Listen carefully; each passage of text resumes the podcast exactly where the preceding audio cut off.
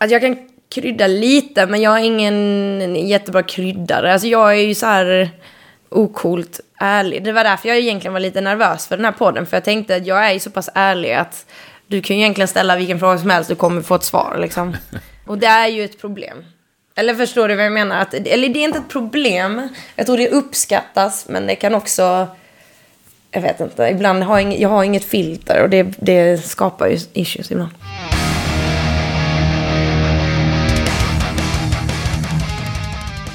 Men då har det blivit torsdag igen och du har precis börjat lyssna på Rockpodden. Varmt välkommen! Den här veckan träffar vi den fantastiska sångerskan och frontpersonligheten Gernicka Mancini. Hon sjunger ju i Thundermother, ett av de svenska band som kanske går allra, allra bäst eh, utomlands i alla fall just nu. Jag tycker det är sjukt kul att det går så bra för dem och eh, jag älskar att få åtminstone via sociala medier vara med och eh, följa deras eh, framfart. Jag har träffat Gernicka några gånger de sista åren, så därför var det för mig extra roligt att få sätta sig ner och eh, snacka i lugn och ro. Du lyssnar som sagt på Rockpodden. Avsnittet har nummer 144. Veckans gäst heter Gernicka Mancini. Jag heter Henke Branneryd och jag önskar dig en god lyssning. Är du redo? Ja. Pang på bara. Med Gernicka Manzini. Ja. Är det ett bra uttal? Ja, det tycker jag. Ett namn som härstammar från spanskan. Eh, exakt. En Picasso-tavla, närmare bestämt. Som du kan se här Det omkring. är den som sitter där. Det är en bit från den och där har vi hela, alltså obviously en plansch då, men... Ja, den är inte äkta, nej. Nej. Och den heter Gernicka. ja. Ja. Men det är ett namn från början? Eller? Eh, nej, det är en by i, eh, i Spanien som blev bombarderad och därför gjorde Picasso en tavla för att göra en sån en protest liksom, i protest. Så det är en antikrigstavla. Så det är ju massaker i svart och vitt. Och då blev du Kul. döpt? Ja, då är du döpt som en antikrigsperson. Ja, precis. Men har du varit i byn? Eh, när jag var pytteliten, så jag måste dit igen när jag minns. Jag har bara sett liksom, när jag var fem eller sex, stå bredvid en sån här skylt. Så att jag vill ju dit och se det igen. Det är första gången jag pratar om någons namn tror jag, så vi fortsätter. Vet du om det är många som heter Gernicka? Jag är nog den enda. Jag har sett att det finns eh, I saker... världen kan det inte vara den enda. Jo, alltså det är inget namn. Det är ju en by och träd och en tavla. Men det låter ju som ett namn. Ja, men det tycker jag också. jag- det tyckte min mamma med. Ja. Men eh, nej, det är nog inte så vanligt. Jag tror att folk kanske har det som andra namn och sådär. Ja. Och vem vet, om vi blir tillräckligt stora kanske det blir som Beyoncé, vad vet jag? Nej, men det är jättefint i alla fall. Och det klär ju dig. Ja. ja, och när du säger vi, då är det ju Thundermother du snackar om. Mhm. Stämmer. Det är ditt, Mitt band numera. ditt gig. Ja. Mm. Sen två och ett halvt år ungefär. Ja, Mm. precis. Det finns ju en lite brokig bakgrund i Thundermother. Men den hoppar vi över idag. Mm. Ja. Och det har ju inte du någonting med att göra. Nej, Nej, den finns inte. också att lyssna på i avsnittet med Filippa Nessil. Det är sant, det är sant. Nummer kommer jag inte ihåg. Ja, hur mår Gernicka idag då? Jag mår bra. ehm, nej men jag, jag mår jättebra. Vi kom hem från eh, en eh, Spanienvända i förrgår. Så jag har liksom lite halvt återhämtat mig från det. Hur många gig? Det var fyra gig på raken. Vilket är för mig och min röst rätt eh, mycket. Framförallt när det kan vara lite halvtaskig utrustning. På raken menar fyra dagar i rad? Ja, precis. Ja. precis. Fyra dagar på raken. På raken, nu är det konstigt. Eh, men ja, precis. Eh, och det kan vara lite jobbigt. Men också, det var jättekul att vara i Spanien. Fansen där är helt eh, fantastiska. Så det är både... Det är väldigt lärorika gig om man säger så. Ja, det såg ju magiskt ut på Instagram i alla fall. Ja, nej, men det, är- alltså, det är ju skitkul och just att man får så mycket kärlek av, eh, av folket där. Men sen har man ju ändå börjat vänja sig vid en viss nivå. Och så blir det alltid lite tufft när man liksom dras tillbaka till liksom back to basics. Vilket vi alltid, vi gör det med smile liksom. Men, eh, men, eh, men det är lite tufft. Framförallt nu när vi liksom gör det här så pass mycket som vi gör. Eh, och så. Sen känns det som att det alltid händer konstiga saker i Spanien. Det var alltså småställen, men inte bara. Det var någon festival. Vi spelade på en festival och det var ju helt okej. men det den var scenen... den du visade på Instagram. Ja. Ja, precis. Eh, sen spelade vi ju på två ställen som vi inte ens hade liksom en backstage. Alltså det, är liksom, det låter så här, ja, men det är väl ingenting, men ja, det känns inte så jävla glammigt att byta kläder på restaurangen. Alltså, man gör det för att man har gjort det 10 000 gånger innan och vi är inte så jävla pretentiösa, men det är ändå lite så här halv B.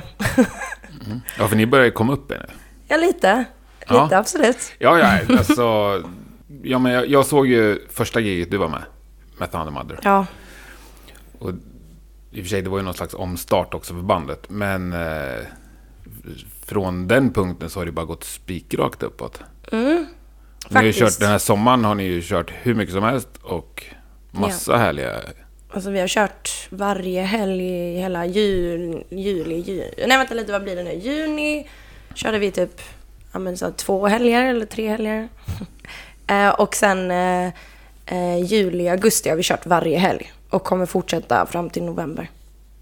Blir det någon längre period där också? Eller Eh, ja. helger? Eh, nu börjar, nu var vi precis på den här fy- fyra dagars Spanienvändan.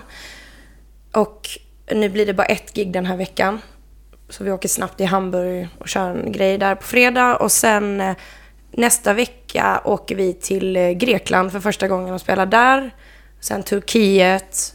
Sen kommer vi hem, ha en dag på oss, tvätta, packa om. Och sen är vi borta fram till den 20 oktober. Så då är det från den an- så ungefär den 26 till den 20. Så ja, nu är vi borta rätt länge. Vilket underbart liv det låter som. ja, det är jättekul. Ja. Alltså det är ju vad Jag man... får så här magpirr, bara jag, och höra Ja, talas om men det. alltså det är, eh, det är vad vi alla har kämpat för hela vårt liksom vuxna liv eller vad man ska säga. Så länge vi har satsat på musiken, det är ju det här vi alla har velat. Så att det är, det är en dröm som händer just nu, som vi lever i just nu. Och det är skitkul. Tänker du på det också, medan du gör det? Ehm, ja, jag måste fokusera jättemycket på det faktiskt. För att hade det inte varit den passionen som det är så är det rätt slitet.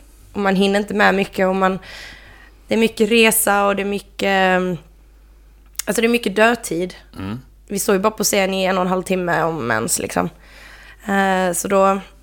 Jag vet inte, man får verkligen fokusera och bara känna tacksamhet och jag försöker alltid tänka på det. För att, ja, för att klara av det när det är, det är lite tuffare stunder.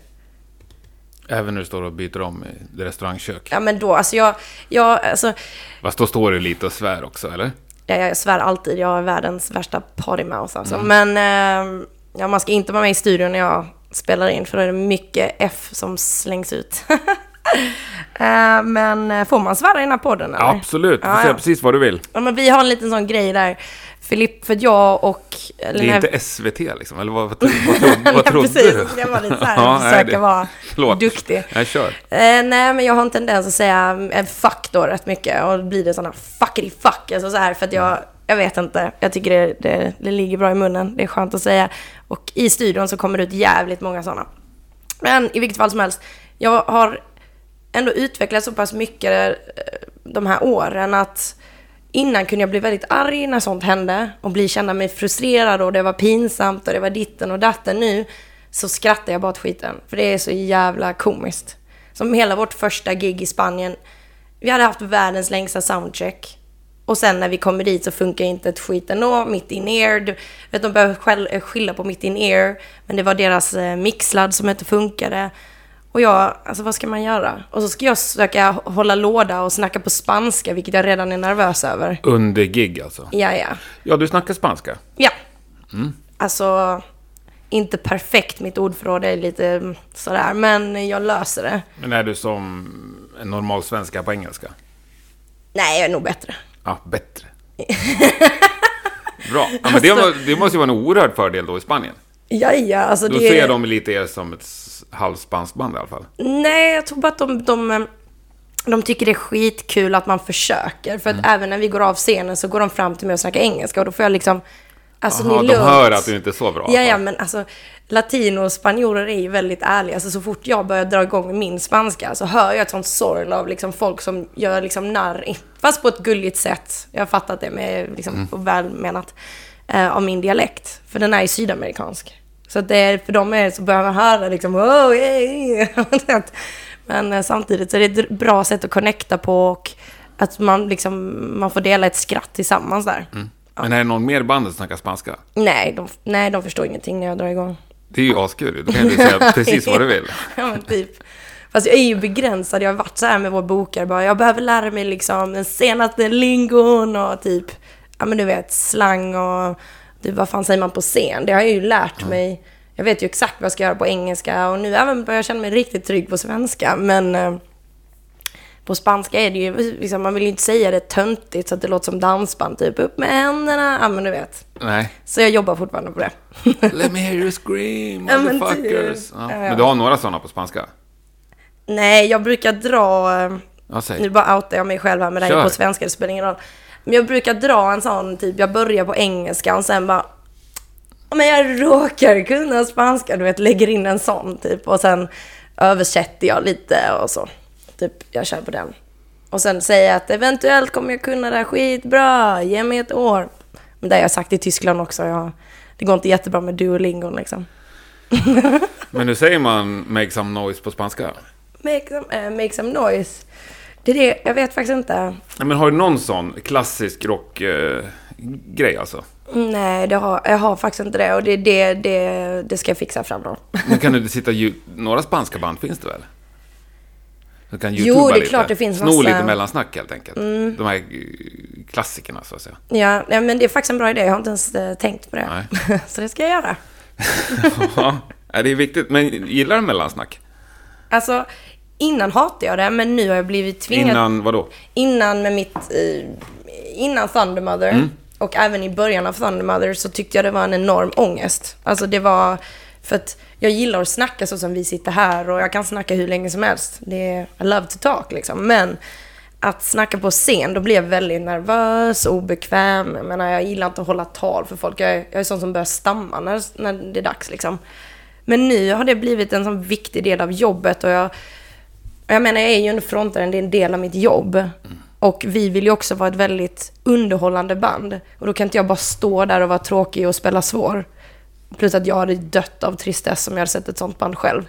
Så att nu har jag bara jobbat på att bli den performer, den frontaren som jag uppskattar hos sig själv. Och det innebär mycket snack, mycket glädje, mycket skämt mellan bandmedlemmarna och publiken och att det blir någon sån här gemenskap och rolig stund. Eh, så nu tycker jag det är skitkul och nu är det svårt att hålla käften. Hur mycket av mellansnacket är planerat innan? Liksom? Um, en, en, del.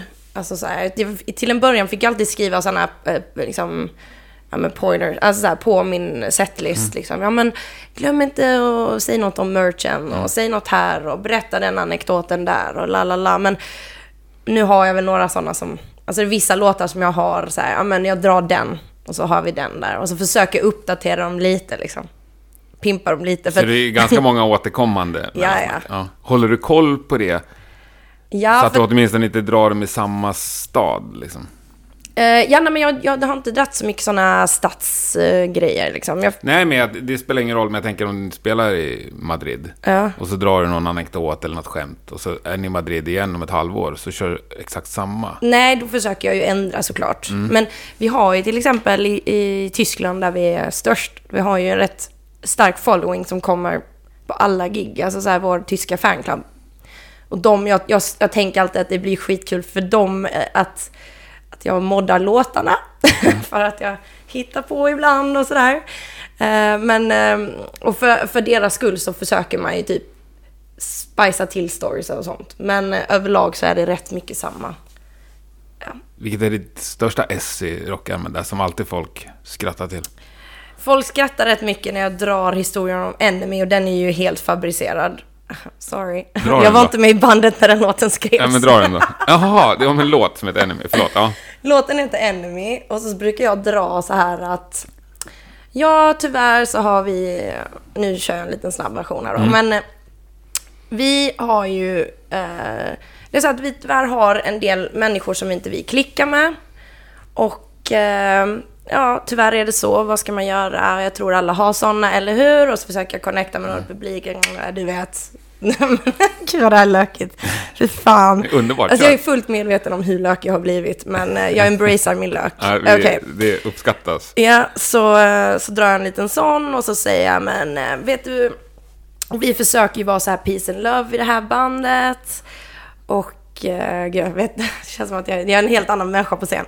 Och vi försöker vara lite peace and love och det innebär liksom att vi dealar med de här människorna genom att skriva låtar om dem. Och så ska jag We write songs about them bitches. Du vet så, ska vara lite sassy. Gud.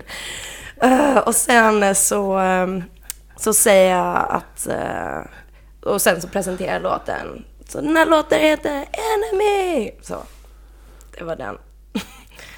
Ja, du pointar aldrig ut någon. Vem Nej, det- jag pointar aldrig ut Nej, att vi har nej. något specifikt. Jag menar mer allmänt, ja, vi råkar ha folk som inte klickar med, Ja. typ. Boohoo.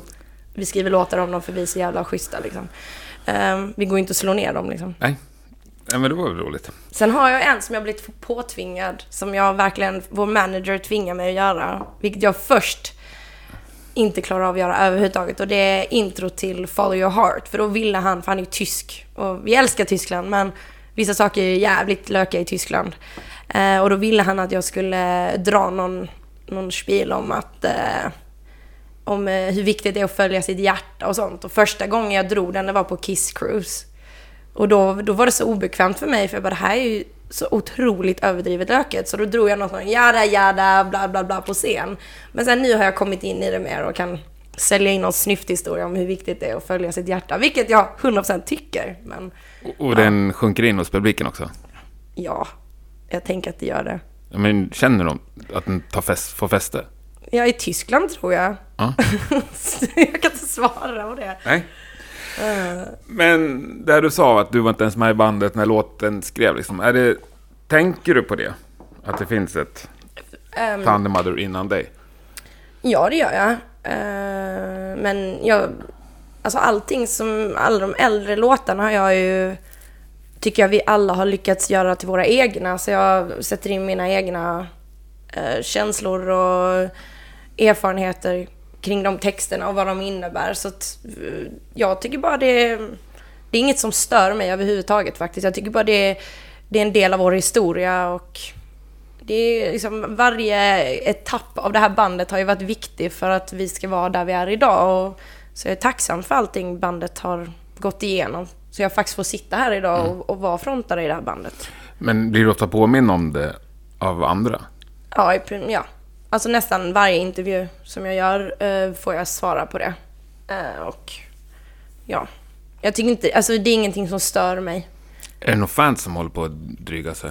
Mm, faktiskt inte. Att du är lite the new girl? Mm, Ja, alltså det är det som är så lustigt för vi, vi är inte så nu längre. Nej, Eh, men Brian Johnson är fortfarande den nya sångaren i ACDC. Jag vet. Han börjar 80. Ja, jag vet. Men, eh, nej, jag tycker inte fansen, jag tror nog fansen har sett att vi, vi är på riktigt och att vi vill det här väldigt mycket och att vi är väldigt roligt tillsammans och att det att vårt scenspråk nu förmedlar den glädjen. Alltså sådär. eh, Så att eh, det har aldrig varit någon, några problem utan jag känner bara att de har välkomnat oss alla med öppna armar och det har bara varit jättebra. Nu pratar vi om något mindre lökigt då. Du hade ju, hade ju den stora äran att få intervjua dig på, under Rockpoddens treårsjubileum Ja, på scenen. Väldigt eh, rolig liten intervju. ja det var skitkul. Men vi måste lyssna på en grej därifrån som du ska få reda ut för mig. Vi har ju träffats några gånger genom åren, Ja, det har vi. även om vi aldrig har spelat in våra samtal. Eh, Jo, en gång. ja, just det, en snabbis. Mikro. Ja. Ja. Eh, men jag brukar ju tjata på dig om Ja. att du ska sluta sälja skor och börja bara spela rock. ja. Hur är det med den biten? Jag kan eh, berätta att jag numera är musiker på heltid. Yeah! Ja, Underbart! ja, faktiskt. Hela bandet är det nu faktiskt. Så att, eh, Stort! vi Det är, är inte så många svenska band som är det. Nej, det, det, i denna sommaren har ju verkligen hänt jättemycket grejer för bandet. Eh, och alla ser ju vårt eh, sjuka turnéschema som inte kommer ta slut på, på länge och vi är jätte, jättetacksamma och glada över det. Eh, men det gör ju också att vi inte kan ha några sidojobb och det är, Det är nästan omöjligt att ha något annat. Och det är ju samtidigt det vi har kämpat och drömt om hela våra liksom, liv eller så. Men fick du gå in till skochefen och säga Jag dansade in där och bara fuck you, fuck... Nej, jag gjorde Nej men, inte. ta, ta, nej, men, ta- nej, men ta oss med. Nej, men alltså jag... eh, Ja, hur gjorde jag? Det var väl inte så svårt. Jag, Hur långt innan visste du att du skulle göra det, så att säga? jag hade tänkt och vi hade eh, snackat, jag och vår manager, om att, ja men nej men för planen var att när Emelie tog sin examen i juni så skulle vi alla liksom, hej och hå, nu kör vi all in, behöver jag sova på en soffa då gör jag det liksom. Så. Eh, men så sa vår manager, vår tyska manager, nej men vänta lite, håll kvar jobbet i augusti. Och så tänkte jag, men, ja men det låter väl rimligt, jag kör. Och sen så blev det bara för mycket så jag sa upp mig, det här var inte alls en kul historia, men jag sa upp mig en månad innan det jag hade tänkt. Och hon var ju jättechockad och besviken och bla bli bli. Jag bryr mig inte ett dugg. Jag vill Ja, veta om hur det gick till när du sa upp dig. Men hur det gick till? Jag sa upp mig någon gång i, i jun, juni. Sa du till chefen att jag vill prata med dig? Ja, jag, jag skulle ha ett snack med henne och så fick jag, jag hoppas inte hon lyssnar på den här podden. Hur, hur snabbt efteråt blev det bokat, så att säga? Nej men det gick jättesnabbt Samma och sen dag. så tror hon blev lite sur för sen ville hon börja samma- var ta det- mina pass som jag hade kvar. upp, upp, upp. Lugn, vi tar det sakta. Var det samma dag som hon sa, okej, kom då och prata? Eh, som jag, vadå, som jag sa upp När du mig? sa så här, jag vill prata med dig. Mm, men då sa jag, då gav jag henne en månad. Ja, men. Du sa, jag vill prata med dig. Ja, Då sa hon, kom. ja. Då sa du, Då sa jag, jag klarar inte av det här mer. Jag fick ju dra en snyfthistoria. vad fan? Men jag har ju också varit så här butikschef och grejer. Jag, pall, jag Vadå vet ju hur man lämnar dem i sticket liksom. Men vadå Fick ju dåligt. Historia? Det är ju världens läge Ja, bara att vara rockstjärna. Ja, men jag sa nu måste jag satsa på musiken och du vet. Så. Så du var typ, du hade dåligt samvete när du gjorde det? Nja, lite kanske. Men nej, inte egentligen. Jag, jag känner en enorm frihetskänsla av att behöva att kunna ta det här steget. Men eh, jag är ju inte helt... Jag, jag har ju ett samvete liksom. Jag fattar ju, det var mitt under sommarrean och det var mycket på gång. och jag bara, tja, hej då. Och skulle din skobutik tvingas stänga så skulle ju folk liksom behöva gå barfota hela världen. Ah, nej, de hade ju klarat sig utan problem, men ja, jag vet inte. Jag, jag är väl lite dum på det sättet, men eh, det var väldigt skönt att se upp sig i alla fall. Det är ändå ett fint personlighetsdrag att du tänker på andra. Ja, I den faktiskt. oerhörda utsträckningen. Tänka sig, jag som sångerska och allt. Ja. ja. Jag hörde ju själv hur dryg jag var som aldrig gav upp, men jag känner att det finns en historia där kring Mm. din uppsägning. Kan du inte försöka ta den lugnt och metodiskt en gång till? Lugnt och metodiskt. För det här är ju ändå så många musikers dröm. Att få gå in till chefen och säga upp sig. Kan du inte bara ta oss med? Kan du ge oss en liten glimt av hur det känns och hur det gick till?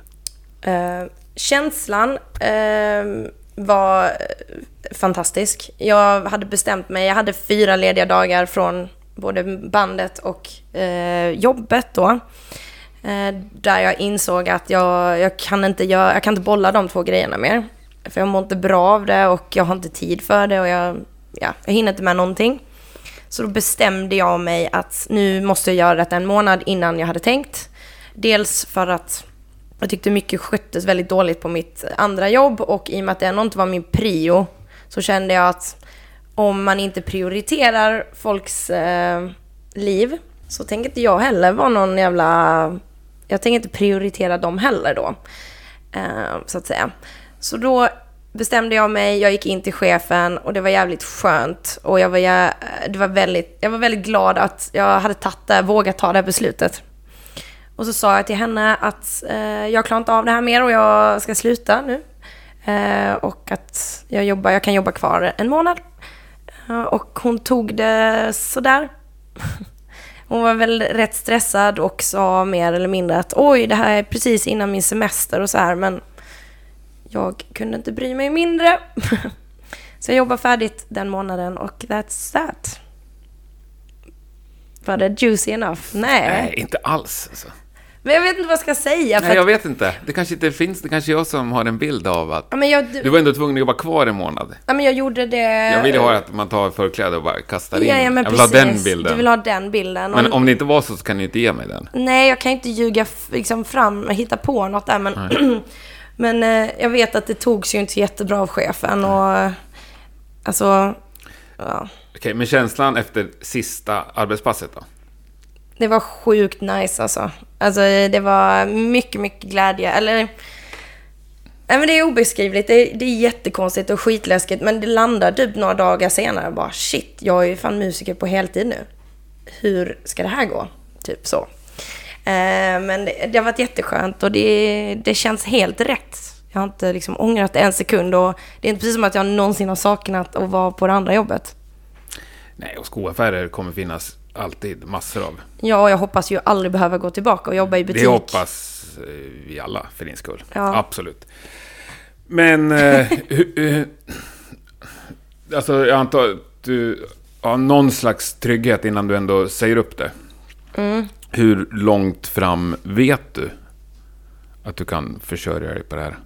Alltså vi eh, som band har ju börjat ta ut lön. Mm. Ingen dunderlön, men som många musiker så bollar man med olika, olika grejer. Åh, Gud vad dumt det här Ja, nej men jag förstår. Men vi har ju startat, man har ju startat eget företag och sådär så att jag, eh, än så länge är det rätt lugnt. Eh, och vi giggar ju som sagt väldigt, väldigt mycket som alla kan se. Eh, och sen Men säljer är, vi ju merch till exempel är nästa sommar uppbokad? Eh, nej, den är inte uppbokad än. Den håller på. Ja, men just nu är det mycket snack om eh, nästa album och sånt. Så att, eh, det är mer våren nu som är på G. Och då hoppas vi ju typ ta oss över Atlanten mer och lite sådana grejer. Sydamerika måste du till. Sydamerika vill vi verkligen till, men eh, än så får- länge är det snack om en eventuell eh, eh, förbandsturné till Udo i USA. Ehm, så vi får se. Men hur ligger snacket om nästa platta? Eh, vi har ju skrivit, så parallellt med att vi har turnerat som galningar, folk har ju sett på våra Instagram så att vi är ute och reser hela tiden. Det är också för att vi har varit väldigt mycket i Tyskland och skrivit med olika producenter och vi har även varit i Danmark och spelat med, skrivit med en fantastisk producent som vi älskar och vi hoppas att vi får jobba jättemycket mer med honom, Sören. Ehm, Rasmussen? nej, Nej. Andersen. Nästan. Danskt ja, jävligt nog. danskt. Ja, Men han spelar med Glenn Hughes och han... ja gitarristen. Ja, Han är ju fenomenal gitarrist i alla fall. alltså han är en fenomenal människa och Ja. vi har skrivit sex låtar med honom som jag tror är liksom givna till plattan. För att jag tycker de är så sjukt jävla bra och han, han lyckas få ur det bästa ur oss alla.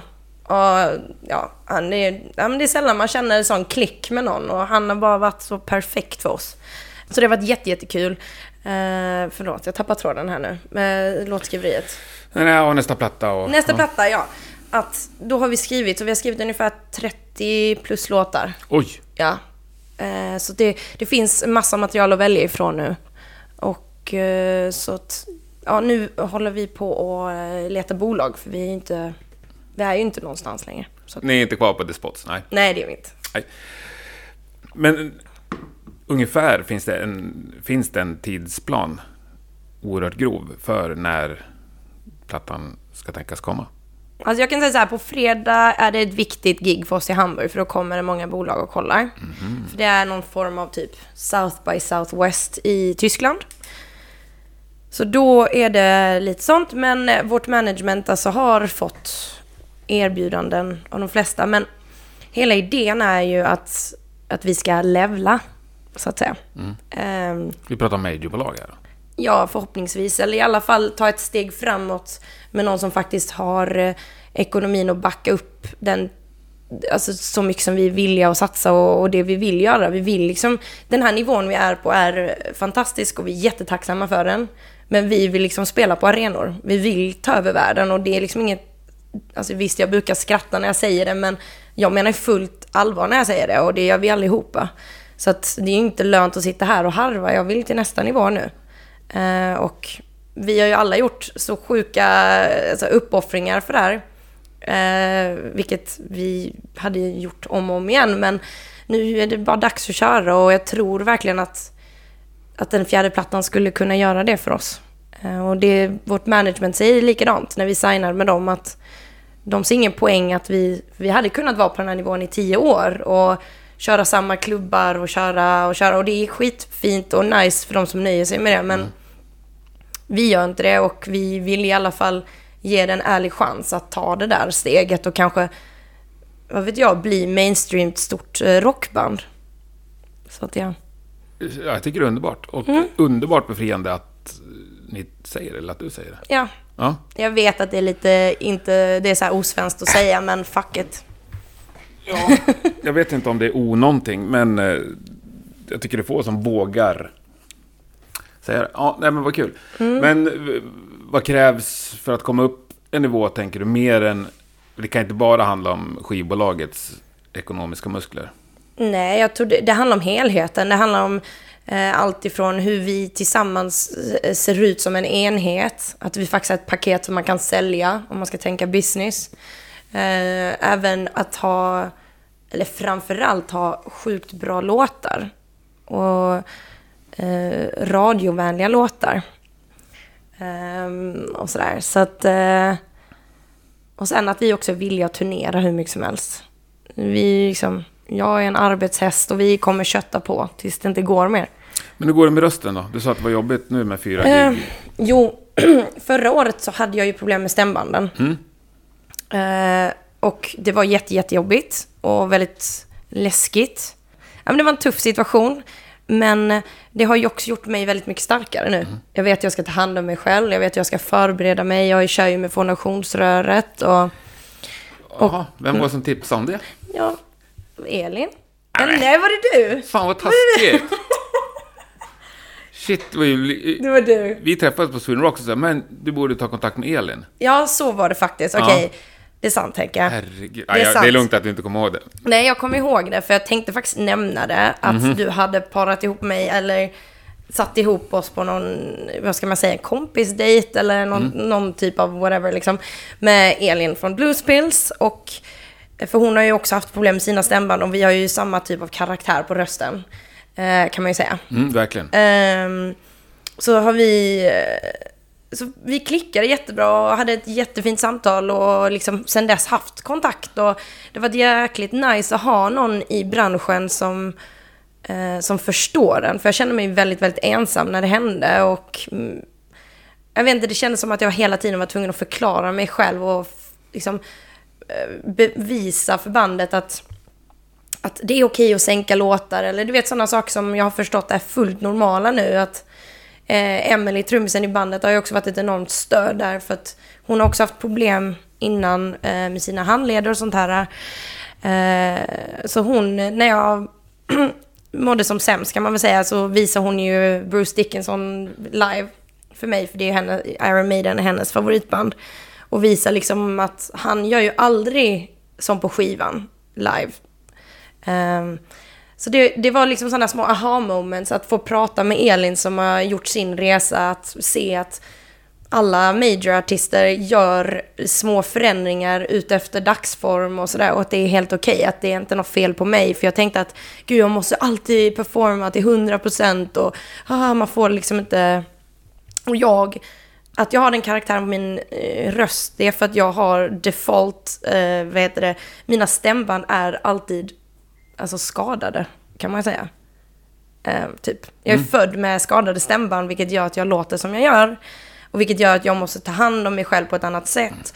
Och kanske vara lite mer försiktig. Men det som också har hänt sen förra året är att jag har skaffat in-ear. Vilket för mig har varit, uh, liksom halleluja. Det in-earet gör att jag klarar mycket, mycket mer. Och också hör bättre och kan på mycket enklare sätt modda min röst efter dagsform. Alltså, väl på scen och sådär.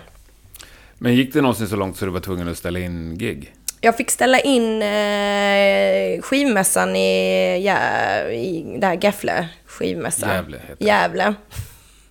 Jag vet, men heter det inte Gefle, själva eventet? Nej. Har jag hittat på det här själv?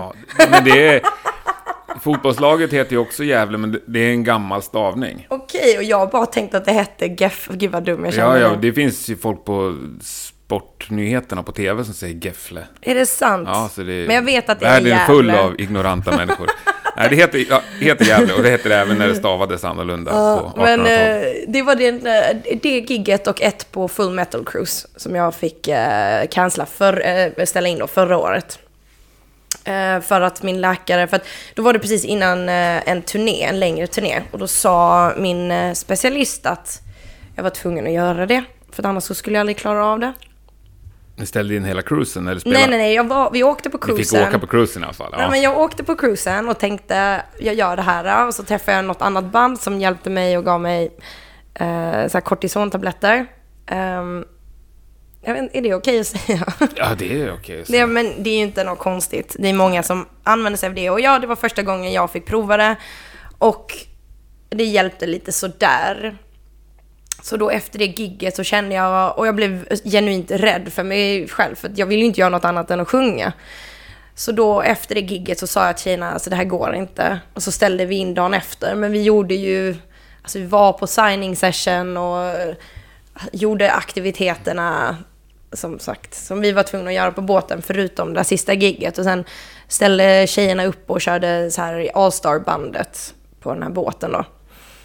Eh, och så. Men jag tänker att det var ett tufft år och allt det där, men nu är jag mycket starkare och mycket bättre. Jag klarar av det och att jag inte vill köra mer än fyra dagar på raken, det är för att min, det är liksom läkarens rekommendationer. Vila och sen, och vi har även märkt att det är inte bara jag, alltså alla våra kroppar, liksom Filippas fingrar, alltså efter, efter ungefär fyra gig så började det liksom bli hack i fingrarna och det gör skitont och visst man kan klistra igen dem och du vet så här men jag tror att alla behöver både fysiskt och mentalt. Efter ungefär fyra dagar vill man bara inte göra någonting och sen kan man kötta på igen. Men hur långt behöver du vila då? Alltså vila, alltså en dag räcker liksom. Det räcker med en dag. Ja, alltså det är ju... Det är klart, är jag sjuk så är jag ju fucked i vilket fall. Eh, och då får man ju bara göra det bästa man kan av situationen. Men ja, det räcker ungefär. Men gör du massa saker förebyggande för att inte bli sjuk? Eh, alltså ta vitaminer och sånt. Ja, det vet jag. Jo, men jag försöker ju göra det. Men det är klart, när det var som värst, då var jag ju duktig med fonationsröret och kötta på med det hela tiden. Nu gör jag det kanske en gång innan gig. gör inte som jag, för jag är slarvig. Men det är också, man kommer ju undan med så mycket mer när man sjunger raspigt. Alltså sådär, det är inte så att jag ska gå upp och sjunga en poplåt och bara "Ah, ska det vara rent och fint. Det kommer ju aldrig hända. Men det gäller ju att ha, ha röst i alla fall. Ja, Jag har ju ja. faktiskt sett dig live en gång när du inte hade någon röst. Ja, det var katastrof. Ja. Det var en av dem, det var sån ångest. Ja, det, borde, det borde du kanske ha ställt in dig i. Jo, men det, det borde vi ha ställt in. Men det var ju innan insikten om att...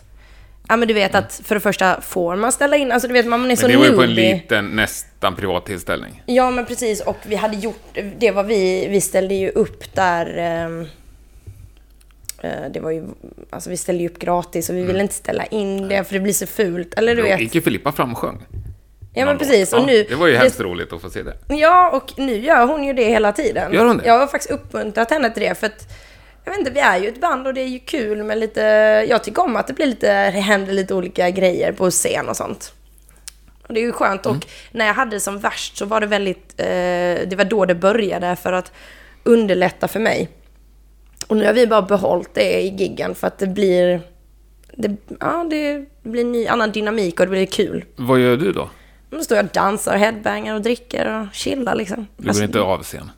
Nej, inte just den låten, för jag tar över sen Ja. eh, i eh, liksom, andra delen. Och sen så fyller jag i, jag blir lite mer som en så här, vad heter det, mm, ja men en sidekick liksom i hiphop.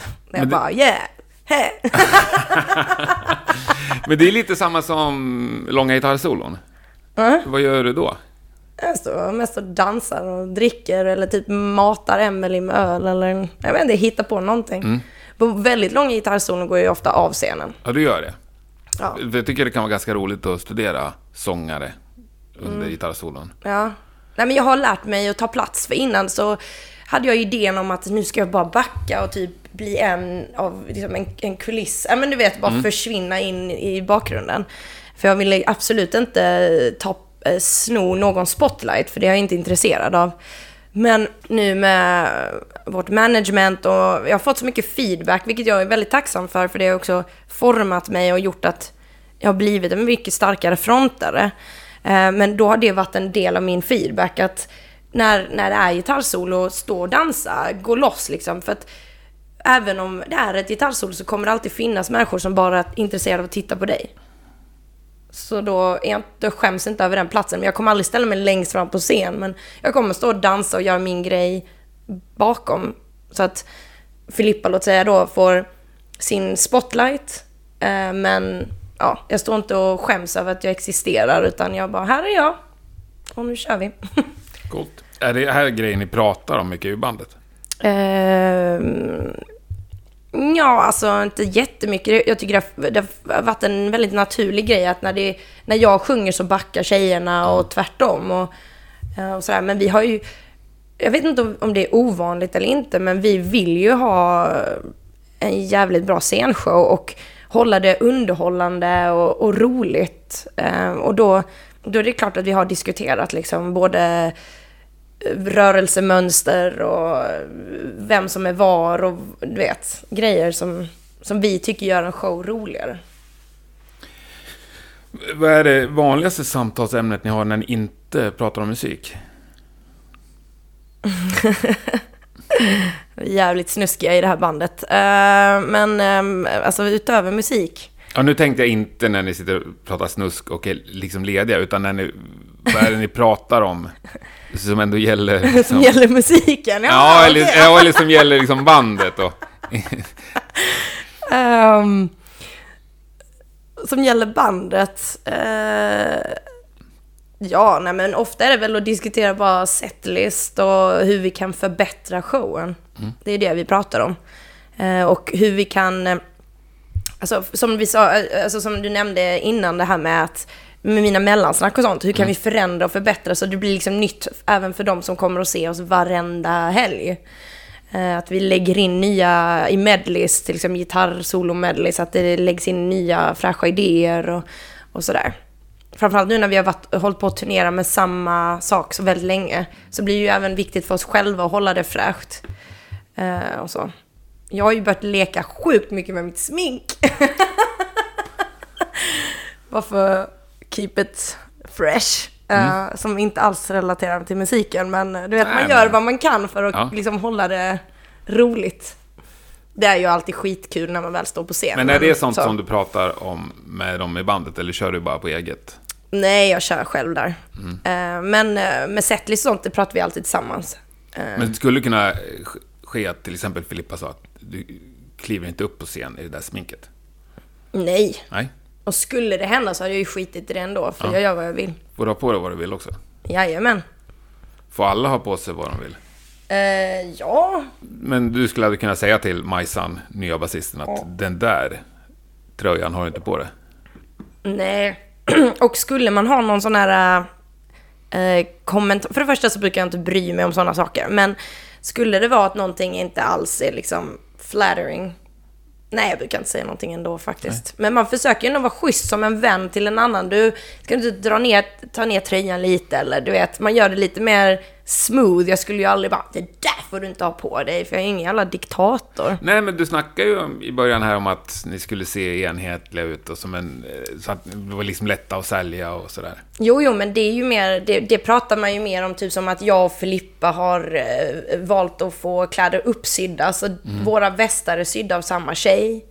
Och att eventuellt kommer ju Majsan och eh, Emily då kanske också få västar eller något mm. plagg uppsytt av henne och Eh, och sådär. Men så säger Majsan, nej jag gillar inte den här västen, jag vill ha mysbrallor och foppatofflor. Okej, okay, men okej, okay, nej det blir aldrig några foppatofflor. Där har vi starkt nej. Ja, du ser.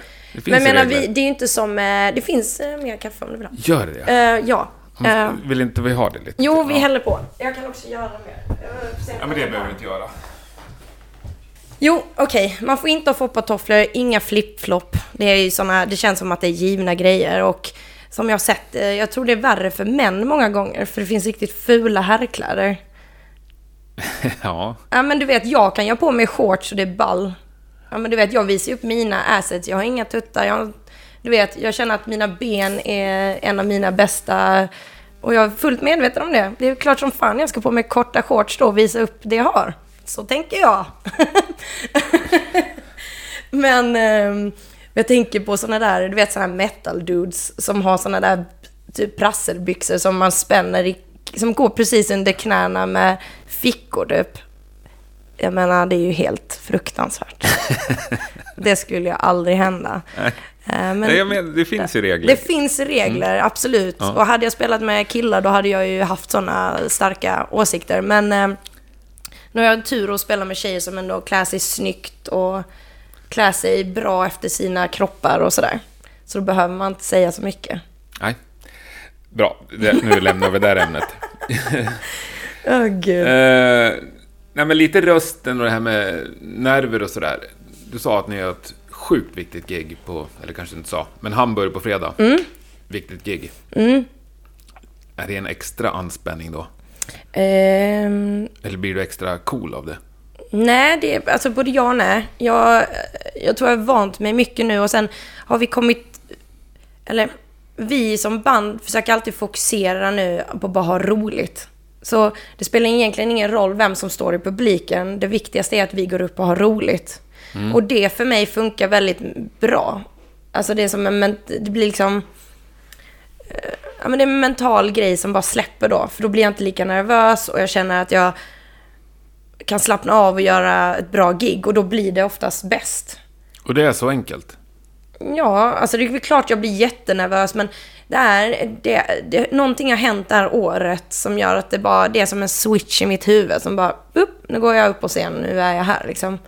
Ehm, Och det funkar både på jättestor festival och på litet sunkhak? ja, Ja. mer eller mindre, eller ja, det gör det. Ehm, det, det, det låter kanske väldigt alltså, så märkligt men jag tror att vi har ändå giggat så pass mycket att det, det bara blivit en naturlig grej. Och jag, jag har haft och har stundvis extrema problem med nervositet. Ehm, men det är som att när jag väl börjar traska in på scen, då måste jag bara dra på mig den rollen och bara vara den där... Oh, tappade jag den? Shit. Uh, bara bli den här eh, liksom larger than life personligheten som jag vill vara på scen. Mm. Och du behöver aldrig göra något, utan det där kommer automatiskt så att säga, när du är på väg upp på scenen? Ibland brukar jag, eller jag har eh, börjat eh, så fort vi har möjlighet, för ibland blir det ju väldigt stressigt, men så slår jag igång en, en sån här, en zumba-låt. som inte alls är rockig. Och bara står och hoppar till den. För att om jag redan är varm och sånt, då är det precis som att adrenalinet, du vet, nu, nu kör vi, nu jävlar. En zumbalåt? Ja, men det är typ, jag, jag tror det är merengue eller någonting, men det är jävligt så här snabbt och hysteriskt. Kan du spela upp lite? Eh, ja.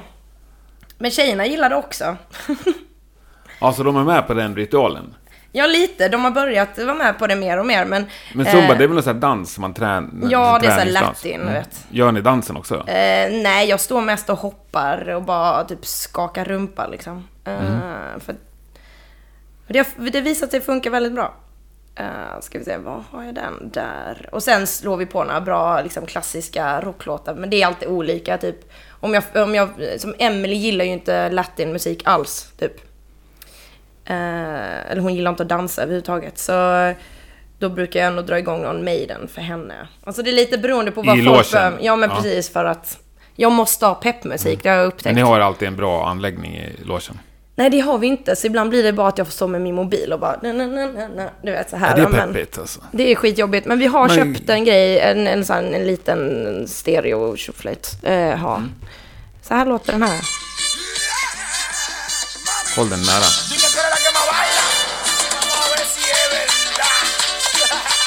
Så står vi bara och hoppar till det här. Ja, Ja, jag, you get the picture. I get the picture. Vad gör ni med där innan? Eh, vi har alltid en eh, sån här, alltså precis innan vi går på scen så kör vi en sån här, alla, mm, vad heter det, wow! Alltså typ, Raketen? ja men inte raketer men typ alla kör en fist i mitten och sen så kör vi liksom wow upp så. Gud vad det här är svårt att förklara. Det låter ju skittöntigt. Eh, Nej, men lite, lite fotbolls... eh, Ja, men lite fotbollspepp. Ehm, det funkar inte för mig att sitta tyst och meditera. Det är inte jag. Och jag vill så gärna, du vet, snappa upp sådana här braiga grejer från annat folk. Men jag måste tagga igång så här hysteriskt och bara... "Ugh!" Så. Eh, sen så tar vi alltid en eh, liten shot. En shot av... Eh, ofta nu, vi, vill, vi dricker ju inte så mycket innan gig och sånt, men, eh, men typ ett, en liten shot vitt vin, alltså bara något enkelt. Mer, det- Shot vitt vin? Ja, jag vet. Det är bara mer en symbolisk grej. Vår manager hämtar alltid det, tar fram det liksom. Eh, så det är så här super random. Det är ju aldrig sprit liksom. Det här är ju inte gott. Nej, Inte vet jag. Nej, nej men i, i vårt band går det inte. Men är det det du dricker innan? Ett shot vitt vin? Alltså precis innan ja. Ja, men om vi tar timmarna innan. Timmarna innan så har jag druckit kanske två glas vin. Beroende på hur många timmar det var innan. Är Så- du någonsin kritvit på scen? Ja, det har hänt. Det har hänt. Eh, Och ofta så... Alltså man är ju aldrig påverkad när man går på scen. Alltså jo, det har väl hänt någon gång. Men alltså, jag, jag tycker jag är bättre när jag inte är det.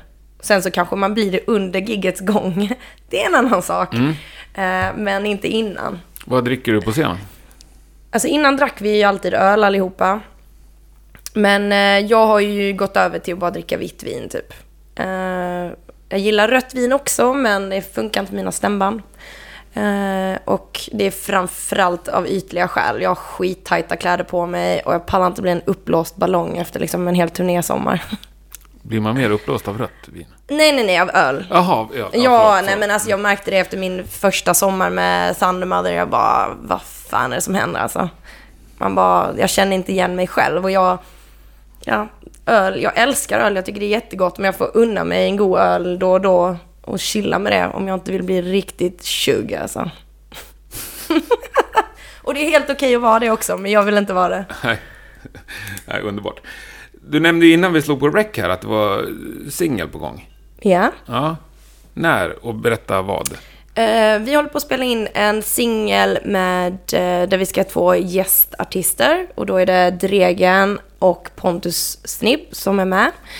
Eh, den kommer väl släppas, jag tror, nu i höst någon gång. Vi spelar in, idag och imorgon håller vi, spelar vi in låten och i övermorgon så ska faktiskt Ted spela in musikvideo med oss. Så vi gör allting väldigt eh, snabbt och eh, eh själva faktiskt. Och den kommer bara helt fristående, fristående så att säga. Det är inget inför någon platta. Eller så den kommer Eh, inte vara med på plattan. Jag tänker ju att den, just nu är den ju fristående men att den kommer finnas med på den eh, nästa plattan. För att eh, det här bandet, vi har ju gjort, alltså det var ju före min tid, men Elevator är en låt som uppskattas av många men som inte finns med på någon platta. Så det, det vill vi inte upprepa. Så att är det en singel så kommer den vara med på nästa platta. Har du skrivit alla texter? Eh, nej, vi har skrivit eh, det mesta tillsammans faktiskt. Ja. Hur viktigt är texterna för dig?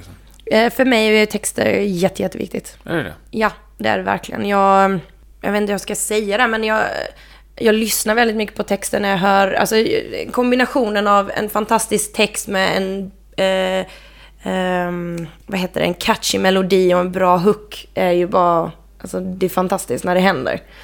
Eh, så att det tycker jag vi har jobbat väldigt mycket på och haft fokus på, på den här fjärde plattan.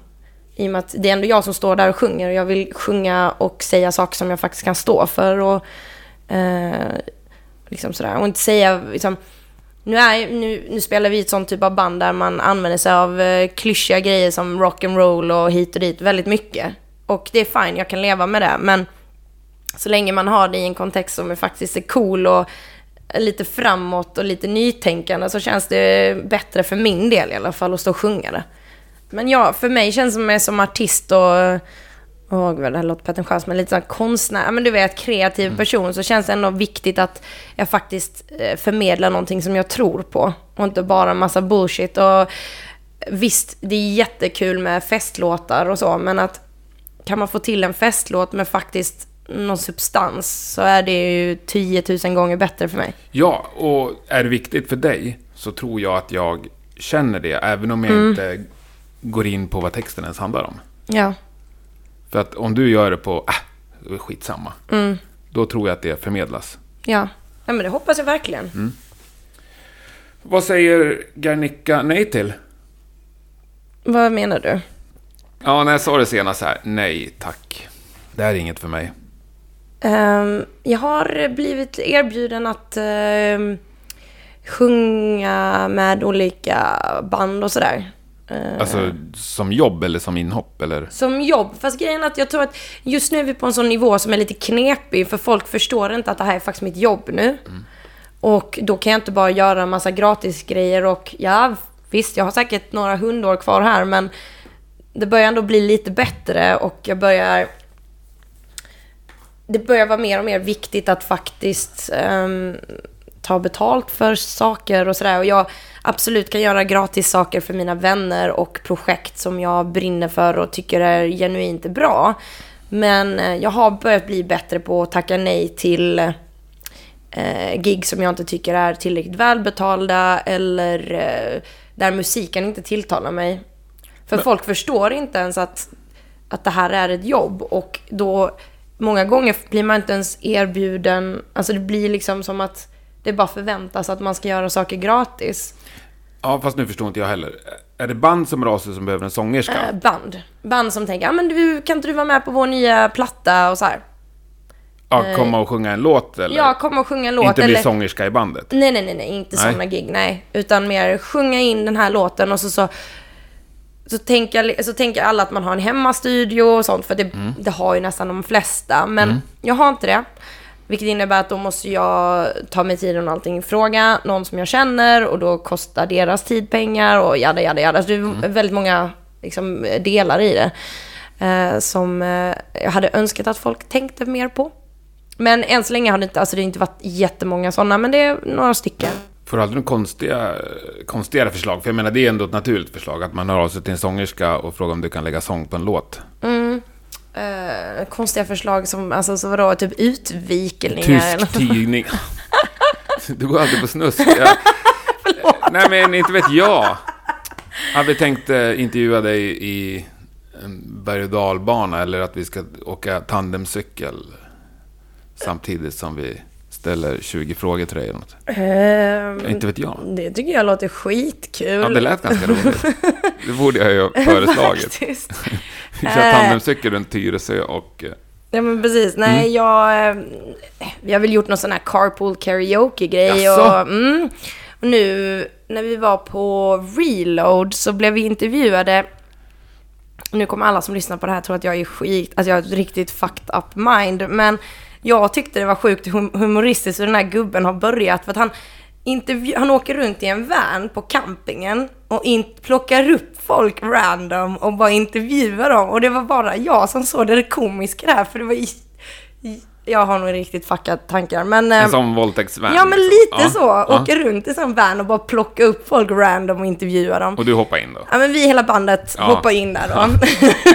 För det var en del av vårt jobb, vi var tvungna att vi skulle bli intervjuade av honom. Och det var en jättekul så YouTube-grej liksom. Jag har inte sett intervjun än, jag tror det var min sista intervju den dagen så jag kan nog vara rätt trött. Men, eh, eh, men det var ju kul. Lite random. Ja. Men han hade ju definitivt inte tänkt på pedo-aspekten av den eh, intervjumetoden. Men jag tyckte jag var sjukt... Så, Kanske inte pedo. så unga är ni väl inte? Nej, inte vi, men du vet, köra runt i en van, liksom locka in folk med godis. Det är ju bara, what? Ja, det det. ja, jag fick också den bilden, så det är lugnt. Mm. Men, men eh, du sa, jag har inte sett den intervjun. Brukar du kolla på intervjuer, din egna? Eh, alltså, Svara ärligt nu. ja, jag, jag brukar faktiskt kolla. Jag tycker det är lite kul att... eh, Dels så lär jag mig lite vad jag ska göra i fortsättningen och vad jag Mm. inte ska göra i fortsättningen. Och eh, jag vet inte, det, det är rätt roligt ändå. Kommer du lyssna på det här avsnittet av 100 Rockpodden? procent. Sant. Jajamän. Kul. Jag tycker sånt är skitkul. Läser du skrivna intervjuer också? Eh, ja, det gör jag. Eh, för det mesta. Sitter du och Google Translator om de är på tyska? Nej, okej, nej. Så pass gör jag inte. Det är väl mer om någon skickar någonting till mig så frågar jag men, vad står det här typ. Men ehm, Google Translator recensioner? Live-recensioner? Då? nej, inte så mycket. Nej. Jag har läst någon nu från Spanien, men det är för att jag kan läsa spanska eh, och, och svenska då. Men, eh, och engelska. Vilket, vilket typ av beröm blir du gladast för? Och jag blev väldigt, väldigt, väldigt rörd och berömd, äh, glad över det som skrevs i Sweden Rock Magazine. Vad, vad var det? Eh, men det var något i stil med att, eh, att, att man var en likvärdig stark frontare som Filippa. Och det kändes eh, väldigt fint och gjorde mig väldigt glad för det känns som en Men det är en del av min utvecklingskurva och den ambitionen, min ambition att vara en väldigt, väldigt stark och eh, bra frontare. Då kändes det som att äntligen så har det börjat, alltså att, det se, att folk ser det och eh, uppskattar det. För att eh, jag är stark men det är ju inte så att vi tar från varandras eh, uppmärksamhet så att säga. Utan vi, vi delar på scenen på ett bra sätt. Och det tycker jag... Ge till varandra. Vi ger, precis. Ehm, så det, det, det gjorde mig jätteglad. Ja. Vad blir du som mest ledsen av att läsa? Ehm, det är när folk har kritiserat ehm, min eh, dagsform, så att säga. Det är precis som att folk inte, alltså de fattar inte att man inte är en maskin, liksom. Och många gånger så blir jag så frustrerad för att, Men om du skulle recensera ett gig och så har sångerskan eller sångaren en dålig dagsform. nej, men jag är ju sångerska själv och jag hade ju kanske kommenterat om man sjöng falskt eller sånt, vilket jag gör ytterst sällan. Ehm. Gud. Nej, men jag, vadå, jag vet Ja. ju min förmåga Ja. liksom. Och Ja, det är en emot. av mina, som jag är väldigt stolt över, att jag är väldigt tonsäker. Vilket egentligen borde vara en självklarhet, men det är det inte. Ehm, så det hade jag ju varit, man hör ju om någon är skadad och ändå försöker. Alltså så här, och det är rock, vem bryr sig om det är lite extra raspigt en dag? Om det inte är så att som det här då gigget som du var på där jag lät som att jag spelade dödsmetall. Det var ju en helt annan femma men då var jag extremt sjuk. Men jag kan bli frustrerad för jag tycker fortfarande att jag låter bättre än de flesta, även på mina sämsta dagar. Så det gör mig fett lack. Så. Mm. Då fick du den drygaste kommentaren Nej, nej, absolut inte. ever i den här podden. Jättebra. Nej, abs- långt ifrån. Men... Eh, ja, men vad är det de skriver? Att hon verkar ha en dålig dag? Ja men, de, ja, men typ att eh, ja, men rösten var lite sådär eller... Det, det är inte alltid att, folk som skriver, alltså jag fans som kommer upp och säger sånt till mig. Ja men det, ja då, det lät så... Du lät bättre på skivan och sådana grejer. Man bara... Tror du att det är en komplimang? Eller jag vet inte riktigt varför kommer du upp och pratar med mig om du ska säga sånt. Men de är så rätt framma, Ja, men era ja, fans. utomlands eh, är det mer, alltså... Ja, men du vet, du vet, de bakar in en komplimang med en diss liksom. Typ så. Nej, jag vet inte. Nej, men de gör det. Ja, men hur? Ja, men säger till exempel att jag tror att deras enda ambition egentligen är att få prata med en, om jag ska vara krass. Och sen vet de inte hur de ska hantera det. Och så, så säger de, istället för att bara säga åh vilket bra gig, det var jättekul, lalala, så ska de nämna att de såg en för ett år sedan när man var skadad och säger ja men det, det lät ju inte så bra då. Precis som att jag inte är medveten om det själv. Ja, fast det har nog... Sånt har jag gjort också. Har du? Ja, jag tror jag sa det till dig på den där liveintervjun. Att ja, jag såg ju ditt första gig med Thunder Mother, sen såg jag på Sweden Rock. Men det tror har ju jag- verkligen gått... Ni har ju verkligen tagit kliv framåt.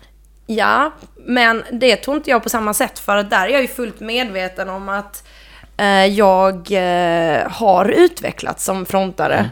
Och det var, jag liksom då... Då var du schysst också, du pekade på mig. Ja, vi är många som utvecklas. Va? Och så pekade du på mig så här. Nej! Jo. Gjorde jag. Ja, Uh, grymt ju! ja, ja det var, jag gillar, jag älskar den kaxigheten. Ja.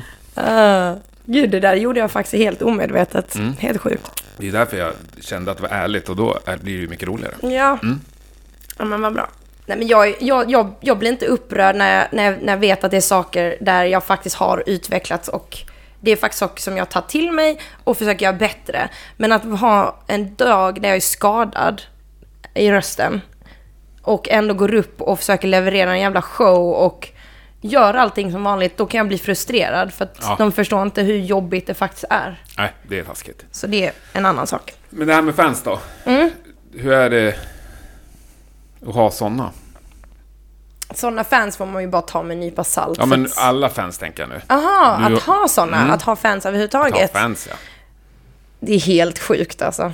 Det är faktiskt, alltså det är alltså fantastiskt och jättekul och eh, de gör ju det möjligt för oss att göra det vi älskar. Så att eh, jag har inte annat än kärlek för våra fans. Eh, eh, men, det, men det är ju galet när folk kommer upp och är typ skakiga. Alltså det är så här, men det är ju bara jag liksom. Men eh, det är också väldigt fint att man kan ha den eh, effekten på folk. Eh, och sådär. Och eh, det är ju någonting vi har faktiskt pratat om i bandet, att eh, alltså vikten av att, att alltid vara, vara oss själva och möta alla snällt och trevligt. För att jag vill aldrig uppfattas som en jävla douche liksom. Och jag är ju inte det, men eh, ja. Men får du tänka dig för ibland, att inte släppa folk för nära? Mm, jag tror nu på senaste tiden har det blivit mer och mer tydligt att man, man kanske måste göra, sätta lite gränser. Eh, inget så jättegalet som har hänt, men mer att vi kommer aldrig därifrån. Och jag tror det eller ej så är det ju efter giggen som jag sliter mest på min röst. När man ska prata över musik eller stå och sälja merch och bla bla bla. Så då, eh, det kan bli väldigt kämpigt ibland när man bara, du vet man ska, man vill skriva, man vill signa allting, man vill ta bild med alla men eh, det, det, det finns inte alltid tid och ork till att göra det för att man är ju trött efter ett gig också. Men, men vi gör så gott vi kan. Men de senaste giggen har det börjat bli lite tydligt att um, vår typ manager får liksom dra oss därifrån. För annars kommer vi inte därifrån. Uh, så det är både väldigt positivt och också väldigt um, nytt. Att börja behöva sätta lite gränser och så. Men hur är det så här då, en vanlig tisdag liksom? Har du massa obesvarade mess och mail och... Mm, nej, inte så farligt. Alltså det är ju mest Instagram för min del. Mm. Alltså. Svarar du på allt du får där? Jag brukar lajka. Jag tycker inte om att chatta, vilket mina vänner vet. Jag är ju typ sämst på att skriva sms och Ja, men dina och så. vänner ja, men... eh, Jo, jag vet. Men jag, Jürgen i Tyskland, han har ingen aning om det. nej, jag vet. Men då brukar jag skicka en smiley typ. Eller lajka kommentaren eller du vet så här visa någon närvaro. För att så fort man ger dem en hand så tar de hela armen. Alltså det är typ den stilen. Och jag, i och med att jag som sagt, jag, jag sitter hellre och pratar med folk och träffar folk. Då är jag väldigt social. Men om du träffar mig över chatt så är jag sämst. Jag är skittråkig människa där. Eh, jag har liksom, jag tycker det är så fruktansvärt tråkigt att sitta och chatta och skriva. Det är så jävla, uh, jag hatar det. Så ja. Jag gör mitt bästa, jag skickar något, någon liten smiley eller något. Så. Men om du inte tar liksom på scenen eller liksom direkt efter gig. Mm. Inte vet jag. Ni sitter och käkar liksom på eftermiddagen innan och så här. Folk kommer fram och snackar då. Mm, men då möter vi dem alltid. Ja. Och tar bilder med dem och är glada och snälla och sådär. Nu, nu i Hamburg för någon vecka sedan var första gången vi, vi var på väg hem, du vet, bakis en söndag. Helt tragisk. Jag är typ jätteglad att jag ens hade på mig mascara liksom. Eh, och så är det en liten flicka i tunnelbanan som bara Är ni Thundermother? Det var jag och Emelie som satt på tunnelbanan i Hamburg. Eh, och vi bara satt liksom med våra mobiler helt såhär uh, deppiga. Ehm, så kom hon fram och så blev man ju skitglad och så tog man bild med henne liksom. Ja, Men det var så himla... Hur gammal var hon? Jag vet inte. Jag gissar kanske 10, 11. Hon hade sett oss på gigget på fredag med sina föräldrar. För det är också en väldigt fin grej med Tyskland att de tar ju med sig sina barn på festivaler och gig. Eh, och de har hörselskydd och sånt på sig. Eh, vilket jag tycker är lite synd att man inte gör i Sverige lika mycket. Sweden Rock är i och för sig mycket barn. Är det? Ja, herregud. Är det? De räknar med att det var 3000 barn där under 12 år då den dagen i år när Kiss lirade. Det gör mig glad i alla fall. För jag vet när jag, Jag har ser försökt... inte du som du bara hänger backstage. Sant. Det är inte så många barn där. Nej. Men eh, jag uppskattar att se barn i publiken, för det är Mm. ändå framtiden och det är kul att eh, föräldrar visar dem eh, rock och så. För att eh, så mina syskonbarn, de är inte så vana vid att se eh, rockers så att säga. Så att, eh, och jag bjöd med dem när vi spelade, vi öppnade för Hardcore Superstar för två år sedan. Fan, det är länge sedan nu, eller var det förra året? Skitsamma, det var ett tag sedan i alla fall. Och då fick inte de först komma in på venue i Eskilstuna efter att ha åkt typ en timme för att se oss. Eh, så vi slutade med att vi fick vi spela gigget men vi, all, allting sänktes. Så det blev ju så här skitskumt. Ehm, och det tycker jag är lite synd för att man får ju nästan räkna med att föräldrarna tar ansvar för deras barns hörsel. Eh, och så då. Det är väl, ja.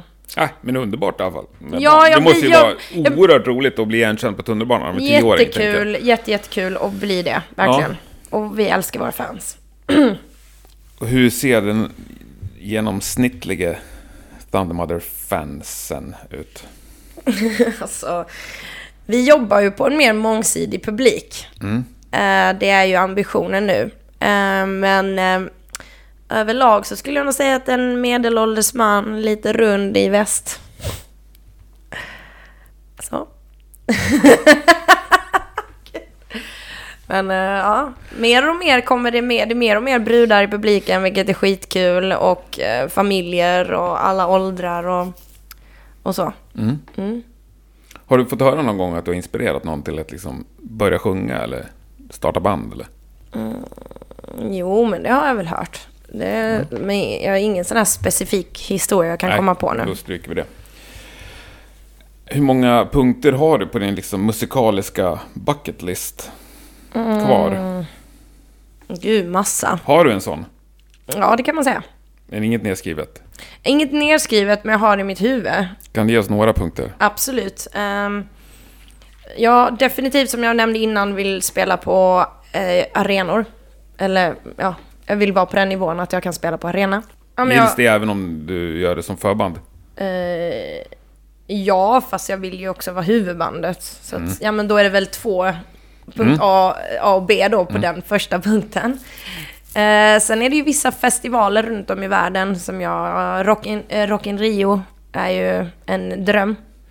Så mina ambitioner är ju rätt, de är där uppe liksom. Ehm, sen ehm, att kunna le- inte bara leva på musiken men också kunna eh, faktiskt ha ett, ett bra liv. Jag vill liksom, jag vill ha det gött. Jag vill köpa hem, mitt hem och kunna resa och göra... När jag är ledig vill jag kunna ha det gött. Men det innebär ju också att ju, den framgången som jag förväntar mig eh, att vi ska ha kommer ju också ge mig det livet utöver då. Eh, så att det går lite hand i hand. Ehm, Sen, eh, det är klart, ja, någon, någon gång i framtiden hade det varit jätteroligt att kanske göra något soloprojekt. Faktiskt. Även om jag är en eh, bandmänniska och tycker det är skitkul att eh, spela i band, att vara en del av ett band, så tror jag att det också hade varit väldigt roligt. Um, men ja, och sen är det väl alltså turnera hela världen. Jag har tänkt på det ända sedan jag började med det här. Att jag vill ha spelat i alla kontinenter och, eh, och ja, bara göra det liksom. Att kunna vara iväg så som de riktigt stora banden är. Att man kanske är borta i tre månader, sen har man en, en, en, liksom en månads frihet eller ledighet liksom. Och eh, sen bara hoppa på det igen. Eh, Låter underbart. ja, Men du, soloprojektet. Hur kommer det låta? Om du gissar. Ingen aning i dagsläget. Ingen aning? I, nej, jag vet faktiskt inte. Men det, det kommer ju vara någon slags eh, rock, blues, soul-aktigt. Det är ju där jag trivs. Eh, men jag tror det handlar nog mer om vem jag kommer i kontakt med eh, och sådär. För att även om jag tänker att det är solo så vill jag nog ändå ha skapat det med massa olika människor. För att det är så jag tycker, det, det är så jag tycker om att jobba liksom. Och sådär. Mm. Mm. Så det har varit eh, roligt. Men det, det, det är ju väldigt långt i framtiden och ja, man vet aldrig liksom. Nej, det, det är det inte. Nej, men du hade väl många bra punkter på den där listan? Mm. Det är ju bara att bocka av. Just det, jag har en annan också. Ja, säg. Jag vill skriva... Eh, jag vill skriva en låt som är med i Mello. den, var, den var otippad, eller hur? Du vill bara skriva den? Ja, jag vill sitta där och vinka. Du vill inte vara med och sjunga? Eh, jo, jag kan tänka mig att sjunga om, om det presenteras eh, rätt projekt eller så. Eh, eh, men nej, jag är inte intresserad av att vara någon popartist eller sådär. Nej, men du brukar väl vara vara med någon hårdrockslåt lite då och då? Jo, ja, men Kan kanske. Kanske jag skulle nog definitivt överväga det, men i dagsläget så känner jag att, att, att vara en låtskrivare, för det har vi också blivit i år. Vi är ju eh, signade låtskrivare, vilket också är skitkul. Eh, och även det har varit en dröm. Eh, att, att faktiskt få göra något sånt. Skriva en schlagerlåt. Det hade varit skitkul. Bara sitta och vinka. Det hade varit coolt. I, så- ja, ja. Ja, I Sverige, Tyskland, Ja, det- jag bryr mig inte vilket land faktiskt. Nej, men, det är klart. Det finns ju Mello i många länder. Men, det, men det hade varit eh, ball. Men vadå signade låtskrivare? Vad menar du? Ja, men alltså vi har ju skrivit på så här eh, publishing, eh, Mm. individuella låtskrivare, eh, dealar med Schubert Music i Tyskland. Så att de kommer ju hand om våra kataloger nu och allting vi har skrivit i den nya plattan och så. Men tanken är inte att ni ska skriva låtar till andra? Jo, de vill nog att vi ska skriva lite, alltså främst till Thundermother. Eh, men de är nog glada för allt. Eh, och så. Alla samarbeten och projekt som vi tar oss an. Så jag vill Vad skulle helst det. vilja att Pink fick en, nu snackar vi Billboard etta, Mm. med en låt som du har skrivit, eller att du fick en Billboard etta med en låt som Pink hade skrivit? Gud vad svårt. Jag vill ju ha båda två. Men du, Om jag måste välja. ja. Oh, fy fan vad svår fråga. För att på ett sätt så hade jag ju valt, det känns nästan smartast att välja Pink för det genererar mer pengar i längden. Men att få en Billboard detta innebär också att jag får göra den, de typ av turnéerna som jag vill. Ursäkta avbrottet. Innan vi lyssnar på sista kvarten så tänkte jag passa på att göra lite reklam för eh, Rockpoddens livekvällar som vi kör på Groggen på Södra Teatern en gång i månaden. Nästa tillfälle är den 29 oktober.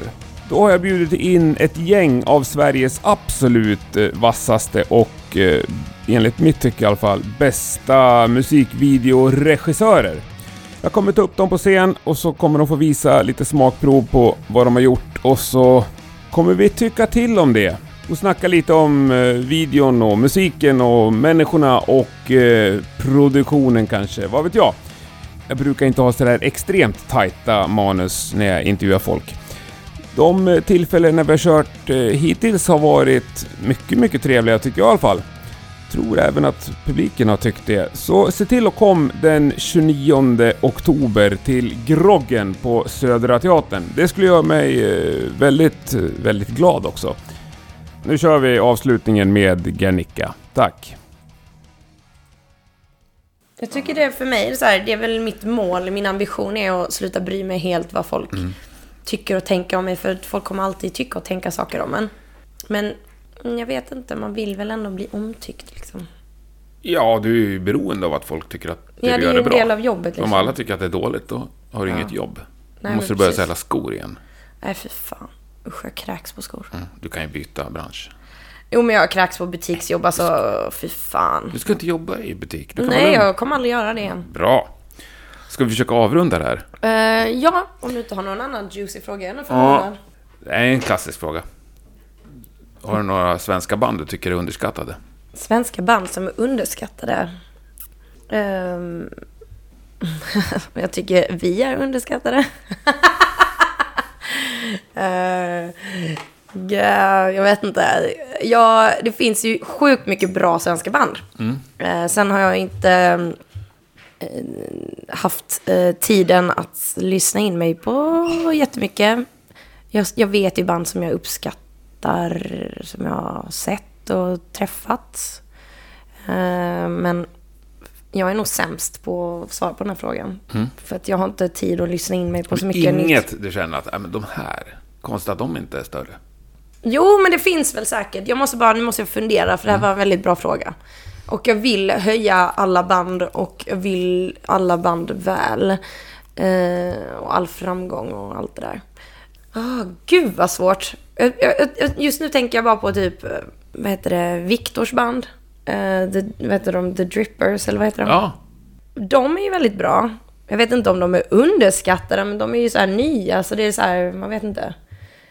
Jag, jag tycker det är en svår fråga, för jag vet inte om folk är underskattade eller bara inte villiga att göra de uppoffringarna som krävs. För jag tänker att vilket band du än må vara, du kanske inte är det bästa bandet, men när du jobbar du riktigt hårt, eller så har jag alltid gjort hela min karriär, så tänker jag att förr eller senare så har du tvingat alla att höra dig ändå. Typ. Det var ett konstigt svar, men... eh, kanske bästa svaret någonsin på den här frågan. Nej, men Men underbart. de är jättebra och det finns en massa andra bra Rippers band. och Viktor Ja. Skatt. Ja. Mm, har men- också varit med i Rockpodden. Ja, men precis. Och Acid Strip och alla de här banden från Göteborg. Alla är jätteduktiga liksom. Ja, Och Hawkins. inte minst Hawkins.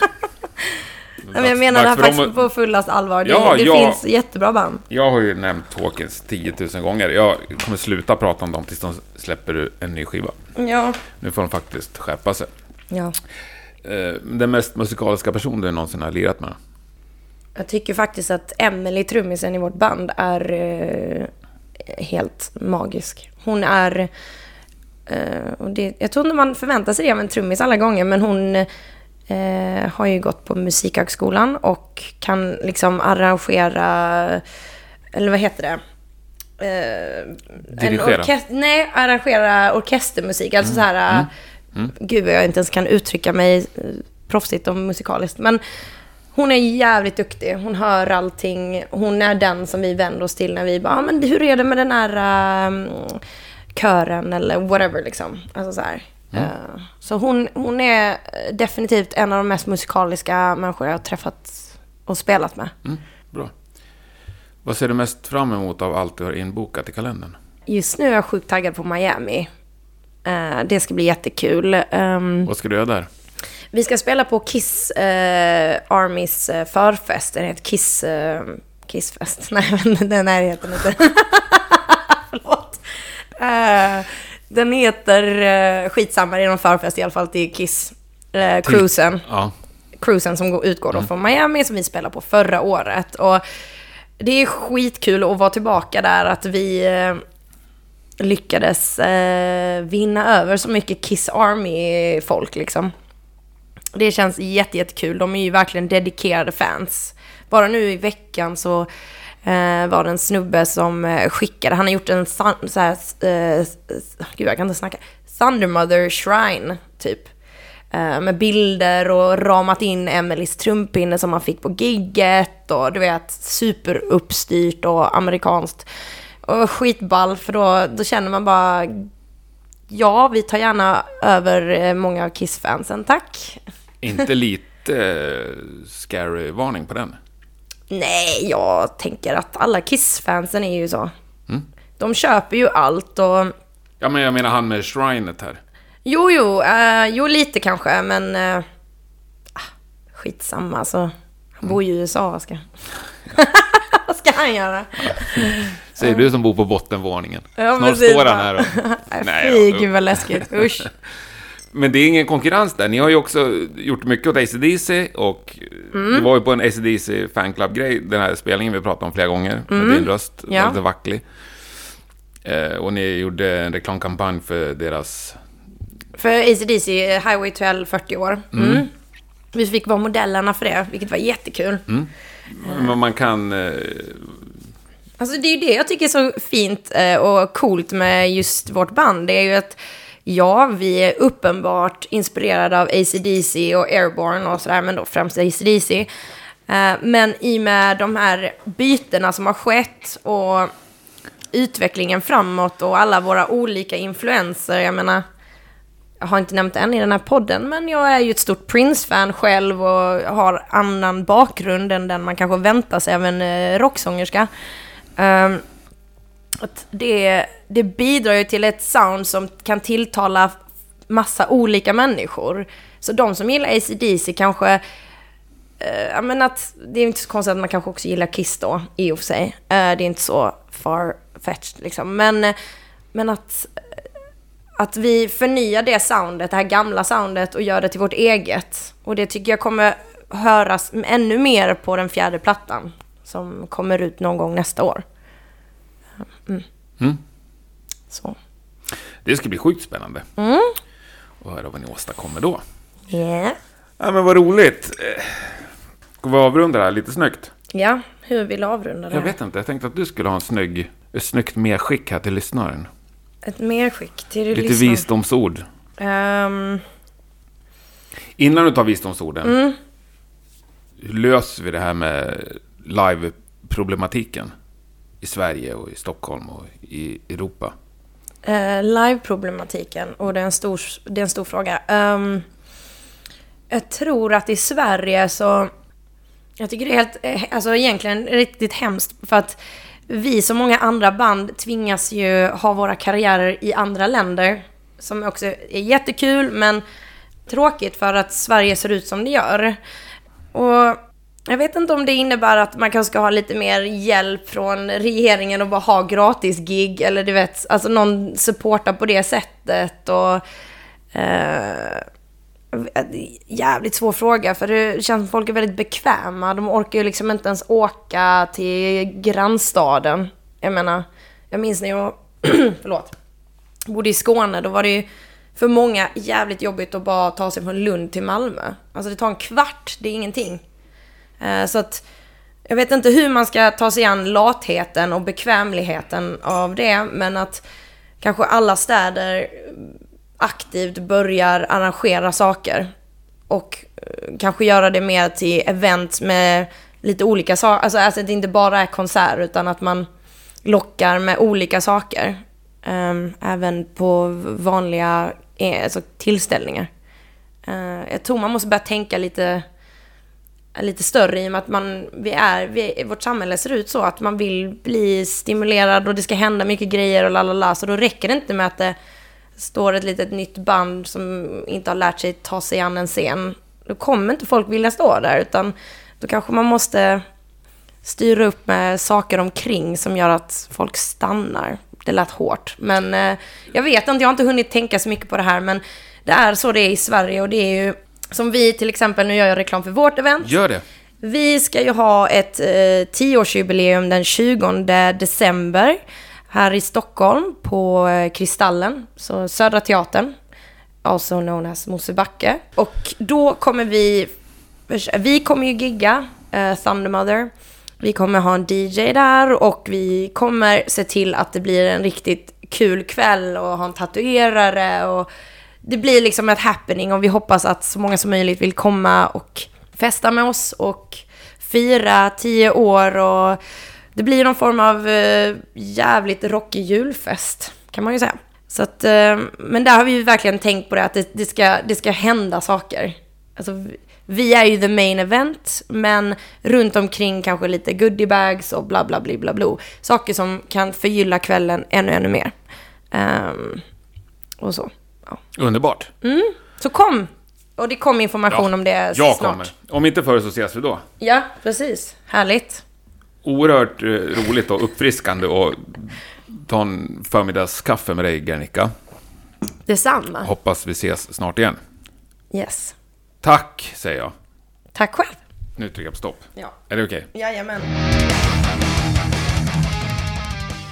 Yes, mycket, mycket trevlig pratstund tyckte jag att det där var. Stort tack Annika och eh, som vanligt största tacket till dig som har lyssnat. Annika var inne på det här med livespelningar och att man kanske ska göra någonting mer. Några som verkligen gör någonting mer, det är ju skivbolaget Design. De åker ju ut på Signfest på fyra ställen i Sverige. Vi har 18 oktober på Skylten i Linköping, 19 oktober på Slaktkyrkan i Stockholm, 8 november på Musikens hus i Göteborg och 9 november på Plan B i Malmö. De ställer upp Skräcködlan, Marvel, Hypnos, Vokonis, Hot Breath, Piss River, The Drippers och Children of the Sun på scen. Sjukligt bra lineup. Gå in på Rockpoddens Facebook eller Instagram faktiskt. Just nu så har du chans att vinna biljetter. Dragningen sker imorgon, fredag den 11 oktober. Så rappa på! eh, Och är det för sent så är det bara att köpa biljetter. Vi måste gå på grejer som anordnas, annars så kommer det inte anordnas något till slut. Simple as that. Ha det underbart hörni, så hörs vi nästa torsdag. Då blir det gäst av rang. Tack och hej! App, app, app. Hade du några visdomsord? Ja, jag kan väl säga så här. Um, ska jag bara dra med någonting? Visdomsord. Eh, vad jag har lärt mig tills, tills nu, det är vikten att bara göra det som gör en glad, att eh, vara sig själv och att skita i det som är coolt och eh, inne i eh, branschen. För att eh, jag tycker mig ha varit utanför den bubblan rätt mycket och det funkar bra det med. Det är bara att kötta och göra det man vill och skita i vad alla andra säger. Så.